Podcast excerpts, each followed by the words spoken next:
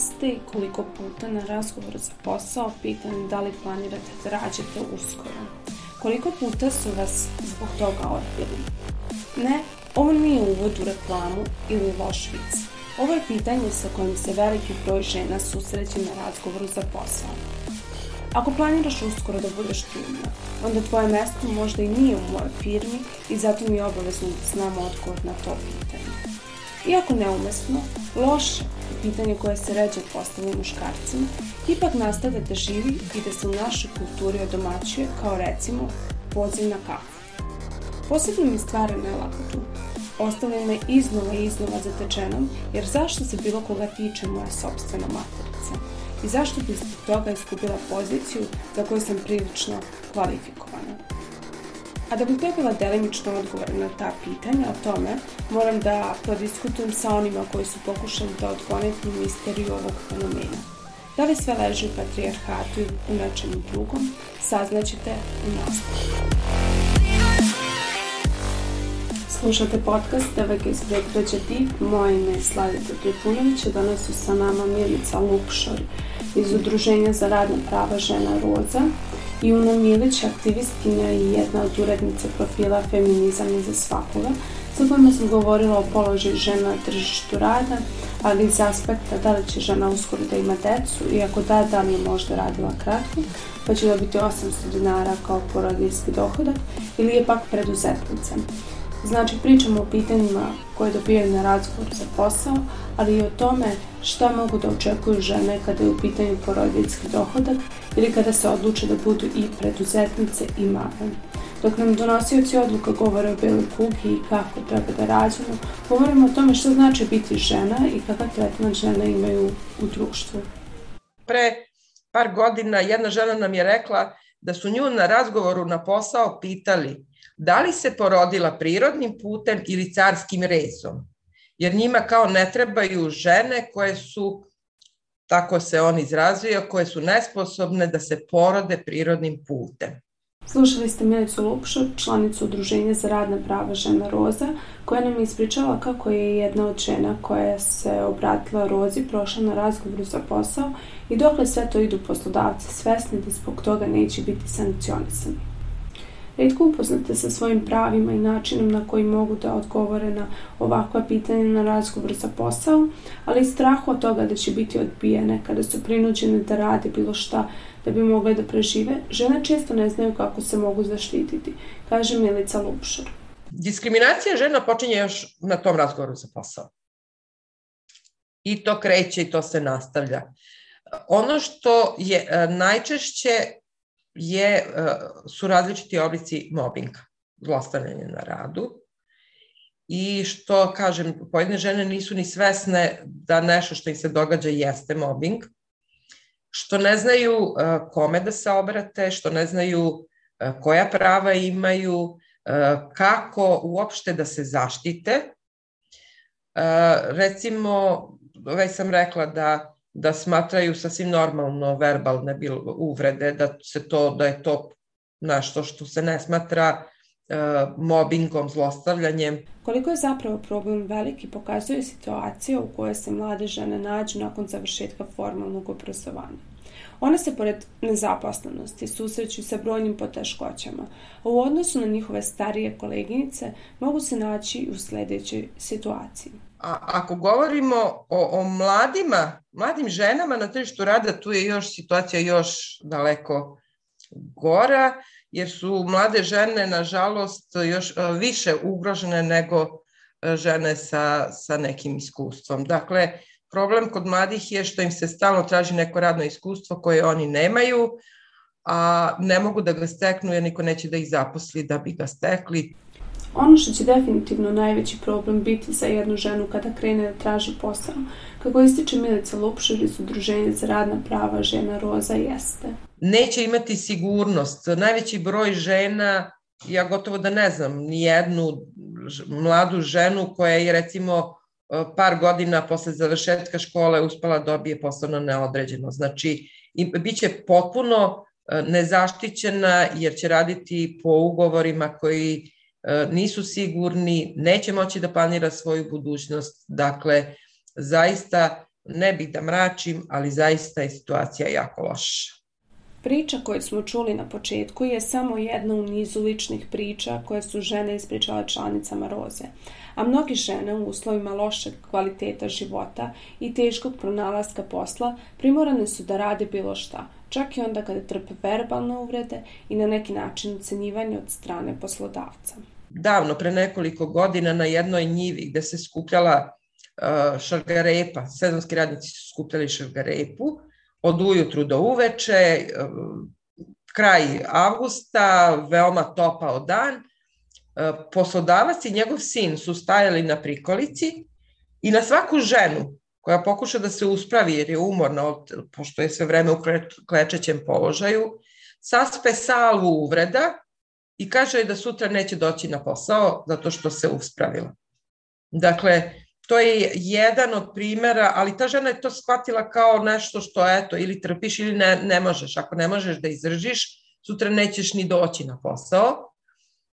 Zamenit ćete neka druga žena, jer ih uvek ima dovoljno ko, koje su ugrožene finansijski pa moraju da prihvataju takve poslove. Milica Lupšar iz Udruženja za radna prava žena Roza kaže da će žene prihvatiti poslove za koje su manje plaćene, a Una Milić ispred profila Feminizam za svakoga ide dalje i objašnjava da žena neće ni konkurisati na određenu poziciju koliko smatraju da nisu dovoljno kompetentne. Sprovedeno istraživanje da žene neće da konkurišu na poslove za ako nisu ispunjeni minimum jedno 70-80 uslova koje se traže na tom konkursu, dok će muškarci za 40 i manje posto će se prijaviti jer smatraju da su dovoljno kompetentni.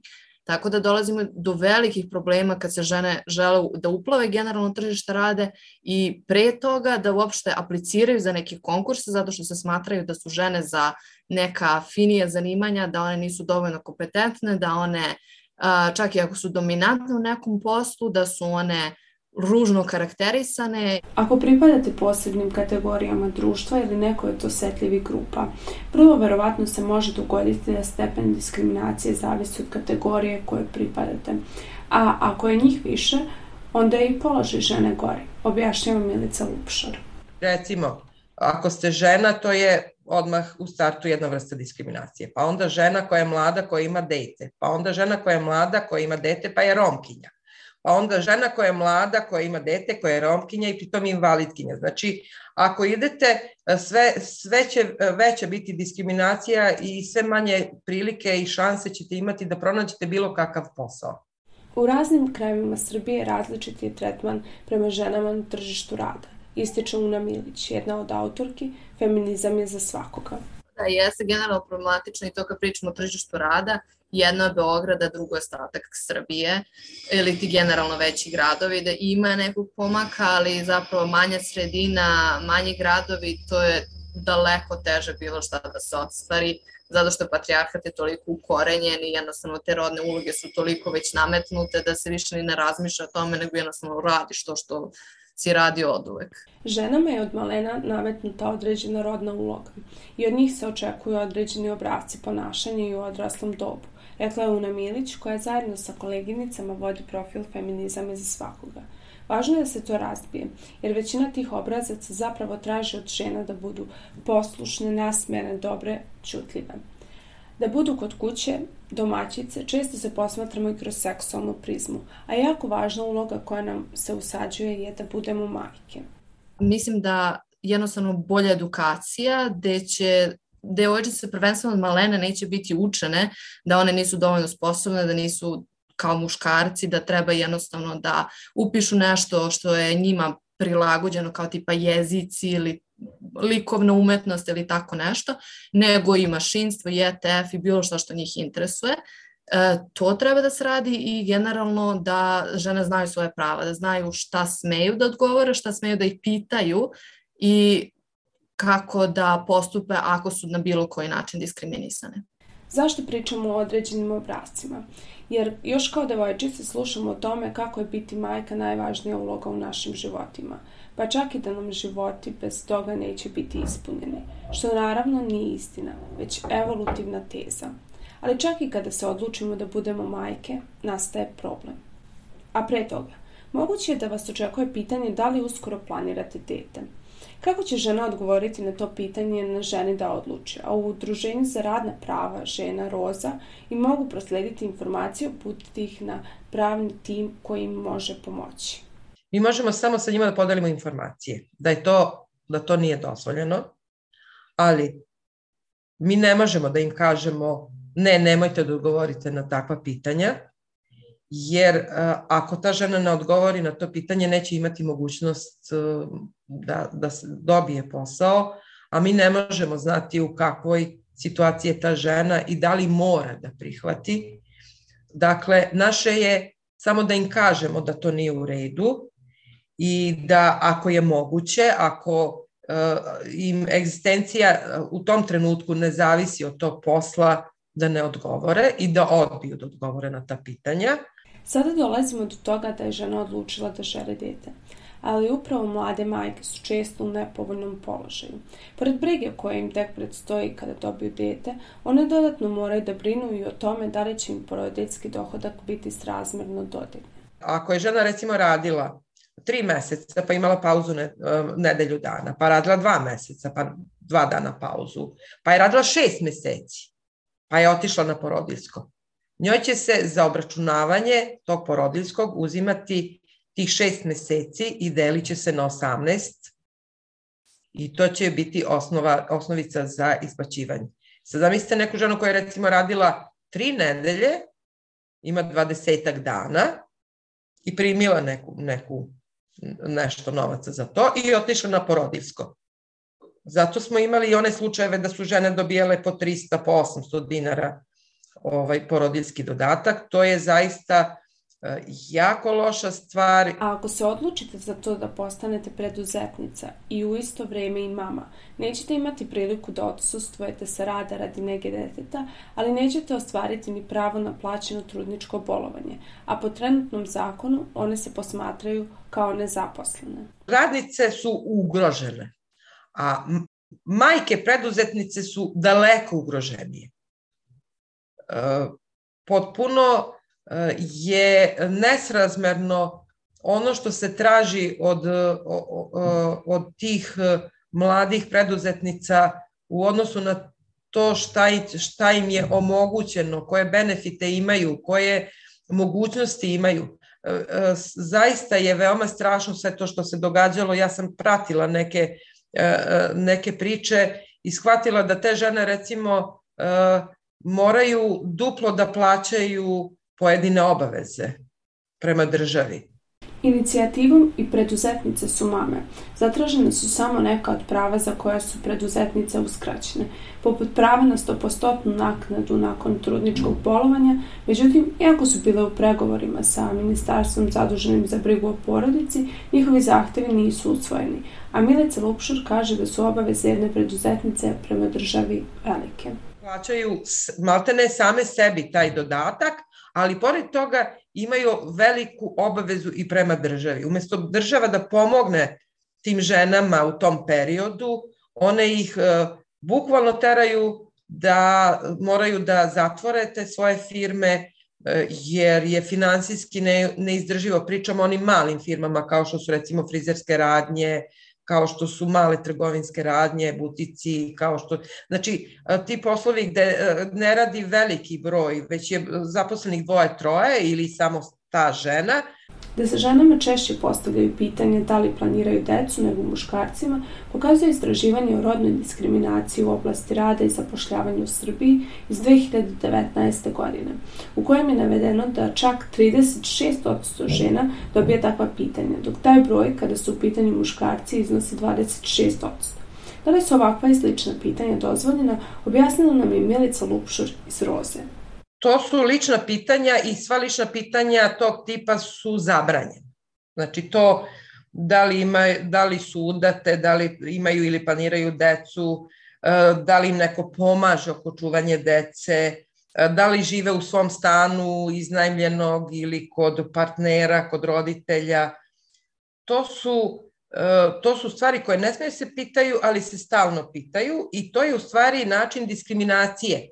Jer ako je žena mlada, ako ima malu decu ili planira da rodi, ona će automatski biti onemogućena da ostvari pravo na rad, jer će svaki poslodavac nju da eliminiše odmah zbog tih karakteristika koje, koje su u stvari nešto što bi trebalo da bude normalno. Već smo pričale o položaju preduzetnice i diskriminaciji sa kojom se susreću ranije. A Una Milić kaže da su žene svesne da ih posle posla čeka porodica i da će zbog toga biti još efikasnije na poslu, ali i da uprkos toj činjenici, kada se vrate na posao, žene često dobijaju otkaz ili su vraćene na nižu poziciju. Iako se u Srbiji ta brojka povećala, a, i dalje imamo problem, kao što, smo, kao što sam pomenula za preduzetnice koje dobijaju pola svoje plate, Znači, one ako se žele da se upuste to da odu na prodijsko odsustvo, moraju da budu svesne tog rizika. Jednostavno, jako je problematično, treba da bude isplaćena podjednaka plata koju ste radili i koju ste zaradili tokom svog života i takođe da kad se vratimo posle porodicovog da nas ne dođe neki niži posao ili niže kvalifikacije zato što su zaposlili nekog drugog ili šta god. A, treba da teče staž, treba da budu podjednake plate i jednostavno žene su statistički ako imaju porodicu ili ako su bili na porodičkom dok se vrate na posao, one će taj posao daleko efikasnije obavljati. Iako zakoni postoje, reklo bi se da su mrtvo slovo na papiru, ako se možemo tako izraziti. No ono što stoji u zakonu redko je primenjivo u praksi, a poslodavci ne dobijaju nikakve sankcije. Mnogi zakoni nisu uh, na dobar način regulisali uh, sankcije. Znači, dostupnost, uh, recimo, besplatne pravne pomoći. Jedna od stvari koja bi trebala da zaživi, a koja još nije zaživela, iako se o tome puno priča, e, e, veća, veća ponuda poslova u granama koje nisu najlošije plaćene, jer žene se sad češće zapošljavaju u tim granama koje su najlošije plaćene. Da bismo mogli da govorimo o promeni i podizanju svijesti u društvu u ovom pitanju, potrebna je promena celokupne klime i pritiste na donosioce odluka, ali i na poslodavce, kaže Milica Lupšer i dodaje da je potrebno da poslodavci posmatraju radnike kao ljude, a ne samo brojeve. Nestalo je uh, humanosti, nestalo je bile kakve, kakvog moralnog odgovora na sve ovo što nam se trenutno događa. A kažem, pošto nema sankcija za ta pitanja, već samo postoji da je to zabranjeno, e, kao prvo teško je i dokazati da, da vam je poslodavac ili neko na intervju postavio tako pitanje, jer vi to ne smete da, pita, da, da snimite pa da imate dokaz. Dakle, vaša reč je protiv uh, tog te osobe koja je obavila intervju. Uh, mora da se vrati humanost u celu tu priču. Ta doza brige o ljudima koji su oko nas. E, mora da se vrati solidarnost koja je davno izgubljena, e, da se koleginica podrži kada je u problemima, što se u većini slučajeva ne dešava i imamo dosta primjera mladih devojaka koje nam kada pitamo pa da, da li su vam starije koleginice pomogle, rekle ne, one su bile potpuno nezainteresovane. Može li se o pomacima u budućnosti govoriti o pre svega smanjenju diskriminacije? Una Milić iz Feminizam je za svakoga misli da je to i tekako moguće. Deluju da su minimalni pomaci i skoro čak se i ne vide E, pomaci postoje, iako su stvarno minimalni i nadamo se da će kroz svoje godine veći pomog biti napravljen, iako je procenjeno globalno da je 135 godina potrebno da bi se dostigla rodna ravnopravnost. Smatram da samo treba jednostavno voditi neki dijalog, ne treba da se niko isključuje, treba da podjednako žene i muškarci utiču, da e, žena bude obezbeđeno podjednaka prava kao muškarcima. Još jedna bitna stvar jeste i edukacija. Da bismo govorili o jednakosti žena, potrebno je da im predočimo kako mogu da postupe u određenoj situaciji. Dakle, ja nikada nisam čula da je bilo koja žena e, pokrenula bilo e, kakvu bilo kakav proces, ne mora biti sudski proces, ali bilo kakav proces pro, protiv poslodavca koji je postavio. To se čak smatra normalnim. Recimo, e, mi sad radimo sa srednjoškolkama e, o nekim osnovnim e, radnim pravima i radili smo u sedam gradova u Srbiji i recimo na pitanje šta od tih pitanja sme da bude postavljeno, većina tih devojaka je odgovorila da je sasvim normalno da ih poslodavac pita da li planiraju i da li imaju decu. Slušali ste podcast Tip, Devojke s predgrađa, moje ime je Slavica Trifunović. Razgovarala sam sa Milicom Lukšar iz Udruženja za radna prava žene Roza i Unom Milić, aktivistkinjom i jednom od urednica profila Feminizam je za svakoga, o malom porodiljskom dohodku, o trudničkom bolovanju na koje mame preduzetnice nemaju pravo i tome šta mogu mlade žene da očekuju prilikom traženja posla. Zapamtite, problem svaki od nas je zajednički problem. Podcast možete slušati na Sounder FM-u, podcast.rs-u, Google podcastu i Spotify. Ja svakako čekam vaše komentare, razmišljanje i predloge tema na društvenim mrežama Fabrike kreativnosti. Na Facebooku smo Fabrika kreativnosti, a na Instagramu Fabrika podcast. Čujemo se uskoro.